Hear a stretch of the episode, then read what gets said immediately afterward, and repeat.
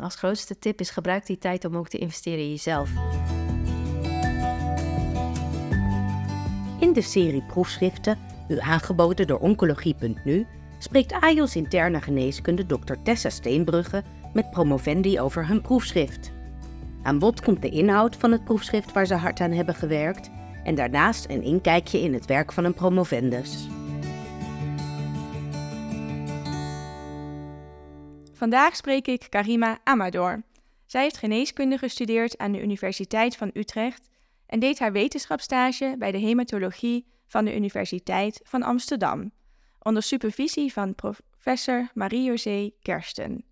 In 2018 won ze al de Award voor jonge onderzoekers voor het onderzoek wat ze daar deed. En in 2019 begon ze dan haar promotietraject naar Waldenström op dezelfde afdeling. Dat leidde uiteindelijk tot het proefschrift wat we vandaag gaan bespreken. Karima woont samen met haar man en twee kinderen in Utrecht en is in haar vrije tijd het liefste buiten met haar kinderen.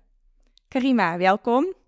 Dankjewel, Tessa. We beginnen deze podcast met een algemene vraag en uh, dat is: welk boek of welke serie beveel jij aan aan collega's in de zorg, ofwel in de hematologie of de oncologie? Ja, uh, dat is een goede vraag, een leuke vraag. Uh, ik weet niet of je het boek The Emperor of All Melodies kent. Zeker. dat is een heel bekend boek binnen de hematologen en oncologen kringen. Uh, maar dat is toch echt wel, als, als ik een boek zou aanraden, Um, voor wie hem nog niet heeft gelezen, is dat echt een, een goed boek dat je wel echt moet, gelezen moet hebben als je oncoloog dan wel hematoloog wil worden. Ja, mooi antwoord en helemaal mee eens. Volgens mij elke keer als je het opnieuw leest, ontdek je weer iets nieuws. Precies, ja, mee ja. eens. Ja. Nou, dan gaan we het nu hebben over jouw proefschrift en uh, jouw promotietraject. En jij kwam dus al als wetenschapsstudent op deze afdeling terecht. Hoe kwam je bij dit onderwerp terecht? Ja, dat, is, uh, dat was een uh, heel interessant traject. Um, ik was uh, als derdejaars co-assistent was ik betrokken geraakt bij een, ja, een studentprojectje in, wetenschappelijk onderzoek bij een hematoloog uit het Sint-Antonius, die tevens nu ook mijn co-promotor is. En um, toen ging zij zelf overstappen naar het AMC. En ze vroeg of ik met haar mee wilde die kant op. Omdat zij en haar collega, de hoogleraar bij wie onder wiens leiding ik nu dit promotietraject heb gedaan, zo'n Waldenström expertisecentrum aan het oprichten zijn en inmiddels ook zijn.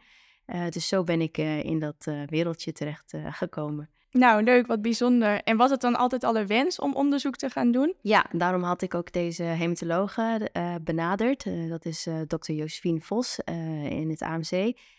omdat ik toen al echt ja, geïnteresseerd was in wetenschappelijk onderzoek. En er waren bij ons in het UMC Utrecht, want daar heb ik geneeskunde gestudeerd, zag ik ja, niet zoveel mogelijkheden. natuurlijk waren er mogelijkheden, maar niets sprak mij aan. Totdat ik met haar in gesprek raakte en de projecten die zij, waar zij mee bezig was, ja, dat vond ik toch het meest interessant. Nou, dit illustreert enorm jouw drijfveren zoals ik je ook ken. Heel leuk om te horen. de titel van jouw proefschrift is Understanding Waldenström's Macroglobulinemia. Lastig woord. Een multimodal approach. dit is een erg zeldzame ziekte. Ik denk dat het voor deze podcast goed is uh, om even te beginnen met wat Waldenström nu precies is. Kan je dat uitleggen? Ja, zeker. Het is inderdaad dus een zeldzaam ziektebeeld. jaarlijks worden er in Nederland ongeveer 350 patiënten met deze diagnose, die, die, krijgen deze diagnose. En het is eigenlijk een zeldzaam B-cel non-Hodgkin lymfoom. Um, en het, de ziekte kenmerkt zich door eigenlijk infiltratie van het beenmerg met uh, drie typen cellen. De, de kwaadaardige B-cellen, B-cellen, uh, cellen en plasmacellen. Um, en daarnaast uh, moet je als vereiste voor dit ziektebeeld ook een, een IgM-immunoglobuline, een monoclonaal immunoglobuline in het bloed hebben. Um, en ja, het ziektebeeld, waarom ik het zo'n interessant ziektebeeld vind, is dat de presentatie kan heel divers zijn. En patiënten kunnen zich eh, met hele milde klachten presenteren, maar ook met ernstige levensbedreigende uh, complicaties. En, en, dus je krijgt klachten door die uh, cellen in je beenmerg. En daardoor krijg je wat de meest voorkomende symptomen ook is bloedarmoede. Maar aan de andere kant kan het IgM in je bloed ook bij, ja, dat komt ongeveer bij 15% van de patiënten met Waldenström voor. En dat is het hyperviscositeitssyndroom. Uh, dus die mensen presenteren zich met stroperige bloed en daardoor krijg je dus klachten van ja, neusbloedingen, retinabloedingen en neurologische klachten natuurlijk. dus ja, even in het kort, de Waldenström. Ja, heel goed uitgelegd dat eigenlijk door twee verschillende mechanismen ja. de symptomen worden veroorzaakt. En kan je in algemene zin iets zeggen over hoe de behandeling eruit ziet? Ja, ehm, tot voor uh, kort uh, was echt de, de, ja, de eerste keuze was een, uh, een chemo-immunotherapie schema. Hè? Dus een, en de meest voorkomen, het meest toegepaste schema was het DRC, dexamethason, rituximab en cyclophosphamide. het is relatief ja, een behandeling die goed verdragen wordt, niet heel toxisch is en ook langere remissie duren induceert. Het is een ongeneeslijke ziekte, hè, Waldenström. Maar de overleving is wel lang, omdat het een laaggradig lymfoom is. Dus patiënten kunnen heel lang in remissie zijn voordat de ziekte dan weer terugkomt en er opnieuw een behandelindicatie ontstaat. Maar de laatste tijd worden er heel veel nieuwe middelen op de, komen er heel veel nieuwe middelen voor dit ziektebeeld. En dat is mede dankzij die ontdekking van die mutatie, de MyD88, die bij meer dan 95% van deze patiënten wordt gevonden. En daardoor is er meer targeted therapie beschikbaar gekomen. En dus heb je ook niet-chemo-opties zoals ibrutinib of proteasoomremmers zoals ixazomib, et cetera. Ja. Nou, je maakt dan meteen een heel mooi bruggetje naar je eigen onderzoek. want in een van de studies die jij gecoördineerd hebt, heb je onderzocht wat ehm, nou, het effect van de behandeling is in een combinatie met ixazomib uh, en dexamethason voor patiënten met een recidief van de Waldenström. In de HOVON 124 was dat. Kan je als eerst uitleggen hoe die studie was opgezet? Ja, de HOVON 124 uh, werd uitgevoerd in meerdere centra in Nederland, uh, een paar centra in België en uh, eentje in Griekenland. En er werden 59 patiënten geïncludeerd met recidief Waldenström, dus tweede lijn of, meer. En die kregen dus het schema, kregen zes cycli van rituximab, ixazomib en dexamethason, waarbij we dus de rituximab na de eerste gift hebben we die subcutaan toegediend. En vervolgens, als ze, na die acht cycli, kregen ze dus, werd dat opgevolgd door twee jaar rituximab onderhoud. Oké, duidelijk. en het was voor eerst dat de rituximab als subcutane injecties gegeven werd in een studie. Ja, dat is voor het eerst dat dat prognostisch werd onderzocht. Ja, precies. En wat was het effect van de behandeling? Uh, het effect was nou allereerst een, uh, het induceerde een, een, een hoge respons, 71% overall response rate. en ja, en het was een, een schema dat, ja, dit zijn recidiefpatiënten, die zitten dus verder in hun ziekte, zijn wat ouder, hebben meer comorbiditeiten comorbiditeit. En ehm, daarbij zagen we dat, dat die kuur goed werd verdragen met minimale toxiciteit. En um, één ding waar je bij Waldenström-patiënten uh, bedacht op moet zijn, is dat ze van zichzelf al door de ziekte een hoge incidentie hebben van neuropathie, polyneuropathie.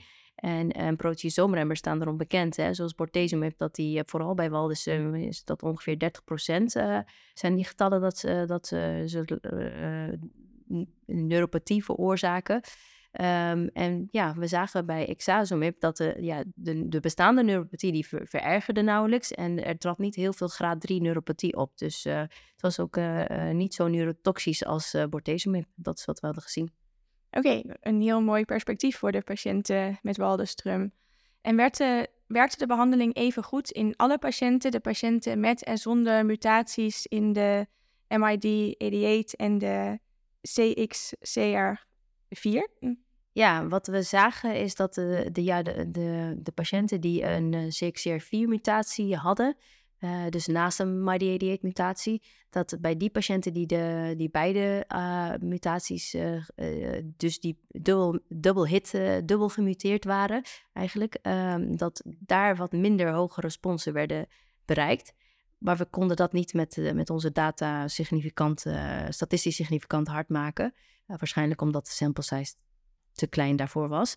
Maar dat suggereert wel dat, dat het iets minder effectief is uh, in, in deze patiënten. Oké, maar voor nu zou je wel alle patiënten nog de behandeling adviseren? Ja, want als je kijkt ook in de literatuur, is dat in andere studies waarbij Waltersen patiënten met proteasoomremmers uh, werden behandeld, uh, werd dat verschil ook niet uh, hard gemaakt. Oké, duidelijk. Dus meer een prognostisch factor dan echt predictief voor de behandeling. Ja. ja. en jullie hebben tot slot ook gekeken in de follow-up van deze studie of de MID88-mutatie in het perifere bloed uh, gebruikt kan worden als een moleculaire responsevaluatie door gebruik te maken van een uh, droplet digital PCR.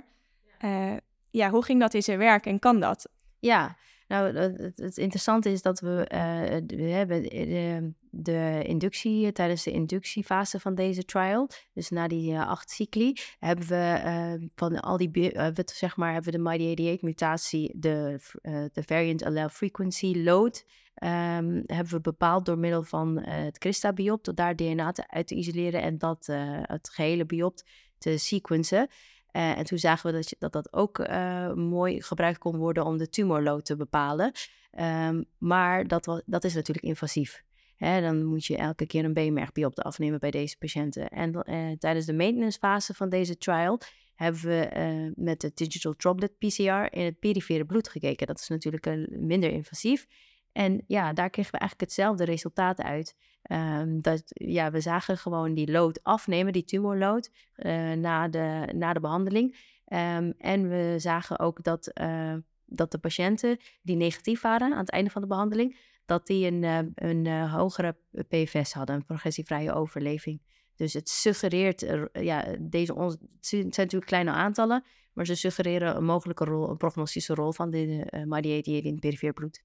Ja, dus het correleert goed met de aanwezigheid van tumorcellen in het beenmerg. Ja. En het zou zelfs gebruikt kunnen worden om de behandeling op te sturen. Ja. Uh, zou je zeggen dat patiënten die nog uh, niet negatief zijn in het bloed voor de mutatie langer doorbehandeld moeten worden? Ja, dus dat is de volgende vraag. Hè. Moet je bij deze patiënten uh, bijvoorbeeld een uh, exazomib onderhoudsbehandeling starten? Dat zijn allemaal vragen inderdaad die interessant zijn om met vervolgonderzoek te kunnen beantwoorden. Ja, nou, ben benieuwd hoe dat verder gaat. Je hebt ook gekeken, uh, je noemde het al eerder, er zijn veel verschillende behandelingen voor uh. En er is eigenlijk geen duidelijke voorkeur in de eerste lijn uh, wat je gaat geven. en jij hebt een heel mooi onderzoek gedaan waarin je de mening van de patiënt hebt gevraagd naar wat zij belangrijk vinden aan een behandeling. Hoe heb je dat aangepakt? Ja, ja, de, eerst kwamen we hè, met, met dat idee van, nou, uh, er zijn zoveel middelen nu op de markt en uh, de, de, in, er zijn ook grote verschillen hè, tussen Europa en de Verenigde Staten. Daar zijn ze meer van, zet iedereen op een BTK-remmer, want dat is makkelijk. En, maar hier in Europa zijn we nog steeds een voorstander van een chemo-immunotherapie-schema. en toen dachten we, ja, maar wat vindt de patiënt eigenlijk heel belangrijk? En ik wilde dat niet onderzoeken met een simpele vragenlijst, want dan, ja, dan krijg je getallen, maar hoe maak je hoe maak je dat hard? Uh, dus ben ik uh, op onderzoek uitgegaan en kwam ik achter een, uh, ja, een methode om dat gewoon ja, zo objectief mogelijk vast te, te, stellen. En dat is een discrete choice experiment. En toen dacht ik, nou, dit wil ik doen bij de Waldenström patiënten. En toen hebben we dat opgezet en hebben we dat uitgevoerd. Ja, er wilde wat goed. En wilden veel patiënten meewerken? Vooral wat ik merkte is dat er echt, ja, patiënten waren heel enthousiast. En voor zo'n zeldzaam ziektebeeld hadden we volgens mij eh, in de 300, hè, 320 uh, vragenlijsten die uh, ingevuld werden en teruggestuurd. ja, dat is natuurlijk een hoge responsrate. Ja, super fijn. Ja. en denk je ook dat de patiënten die mee wilden werken een goede afspiegeling waren van de hele populatie met de ziekte van Waldenström? Ja, dat denk ik wel. Uh, ten eerste was het een, een groot aantal. En uh, van de patiënten, ja, het is natuurlijk een online enquête. Um, en als, ik was bang hè, dat je dan alleen die patiënten bereikt die handig met computers overweg kunnen. Maar de, ja, zelfs in die online enquête zag ik de leeftijden. Uh, er zaten ook 80-plussers tussen. Dus uh, die hebben hun weg gevonden naar onze enquête. Nou, het is gewoon een hele, ze hebben een hele betrokken patiëntenorganisatie die heeft uh, die enquête onder hun aandacht gebracht. Wat goed. Echt complimenten voor de uitvoering al. en wat vinden patiënten belangrijk? Patiënten vinden uh, het belangrijk dat ze um, uh, een, ja, een behandeling krijgen met een lange remissieduur. Dus dat ze lang in remissie blijven. Um, een behandeling die in de toekomst niet zorgt voor uh, andere problemen, zoals secundaire maligniteiten. En een behandeling die van tijdelijke duur is. Dus niet, ja, in het geval van een BTK-remmer, zoals ibrutinib, dat is een tabletje wel, maar dat moet je dagelijks slikken. Uh, en daar hier uit ons onderzoek kwam naar voren dat ze toch gewoon een, ja, een bepaalde duur willen behandeld worden. En dat ze ook een tijdje zonder behandeling eh, door het leven kunnen. Dus dat zijn eigenlijk de belangrijkste dingen die naar voren kwamen uit dat onderzoek. Oké, wat goed om te weten. En was je verrast door deze uitkomst of was dit wat je verwacht had?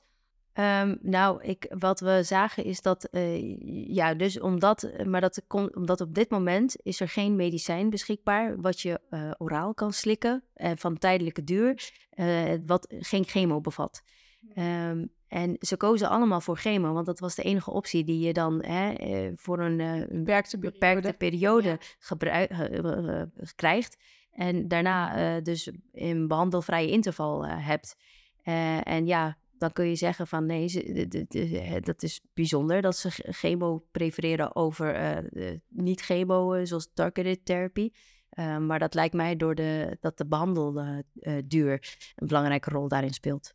Ja, kan me voorstellen. Dat nou, dit kan meegenomen worden in de afwegingen voor toekomstige patiënten. Ja. En uh, als je naar al jouw onderzoek samen kijkt, denk je dat er een uh, toekomst ook is weggelegd voor uh, immuuntherapie bij de ziekte van Waldenström? Ja, dat denk ik zeker. Want nou, we hebben ook gekeken naar de T-cellen, de samenstelling daarvan en ook de functie van de T-cellen van Waldenström-patiënten. Omdat we weten dat bij CLL, chronische lymfatische leukemie, dat is een ziektebeeld, dat is ook een laaggradig lymfoom en dat lijkt heel veel op Waldenström qua biologische eigenschappen.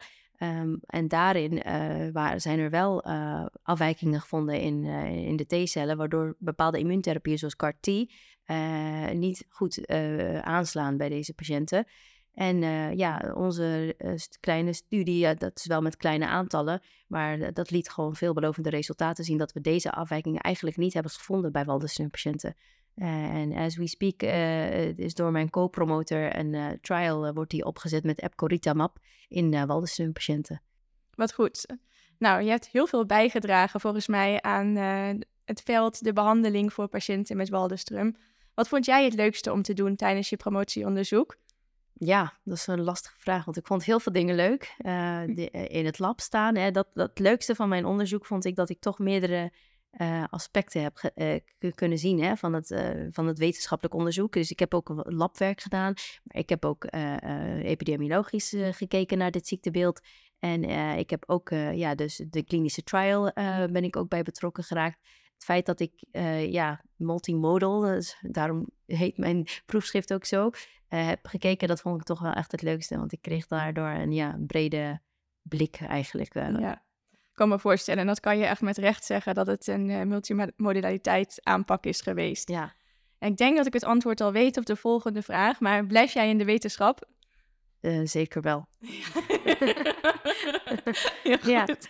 Uh, en dan als laatste, heb je nog een advies voor promovendi die op dit moment gaan beginnen aan een promotietraject of misschien al bezig zijn? Ja, uh, zeker. Um, als grootste tip is gebruik die tijd om ook te investeren in jezelf. En uh, heel veel cursussen, uh, heel veel skills, daar heb je echt, ja, dat vond ik, dat ik daar de tijd voor had om tijdens mijn promotieonderzoek, ja, om daaraan te werken en beter te worden in heel veel zaken. Dus dingen waar je altijd al beter in wilde worden of bepaalde cursussen, ja, grijp die kansen aan om te echt te investeren in jezelf tijdens je promotietraject. Nou, een heel mooi advies. Uh, Karima, heel erg bedankt voor het delen van de resultaten beschreven in jouw proefschrift. En ik wil je heel veel plezier en succes wensen op 10 november. Dankjewel, Tessa. Gaat u zelf uw proefschrift binnenkort verdedigen? En vindt u het leuk om een podcast op te nemen?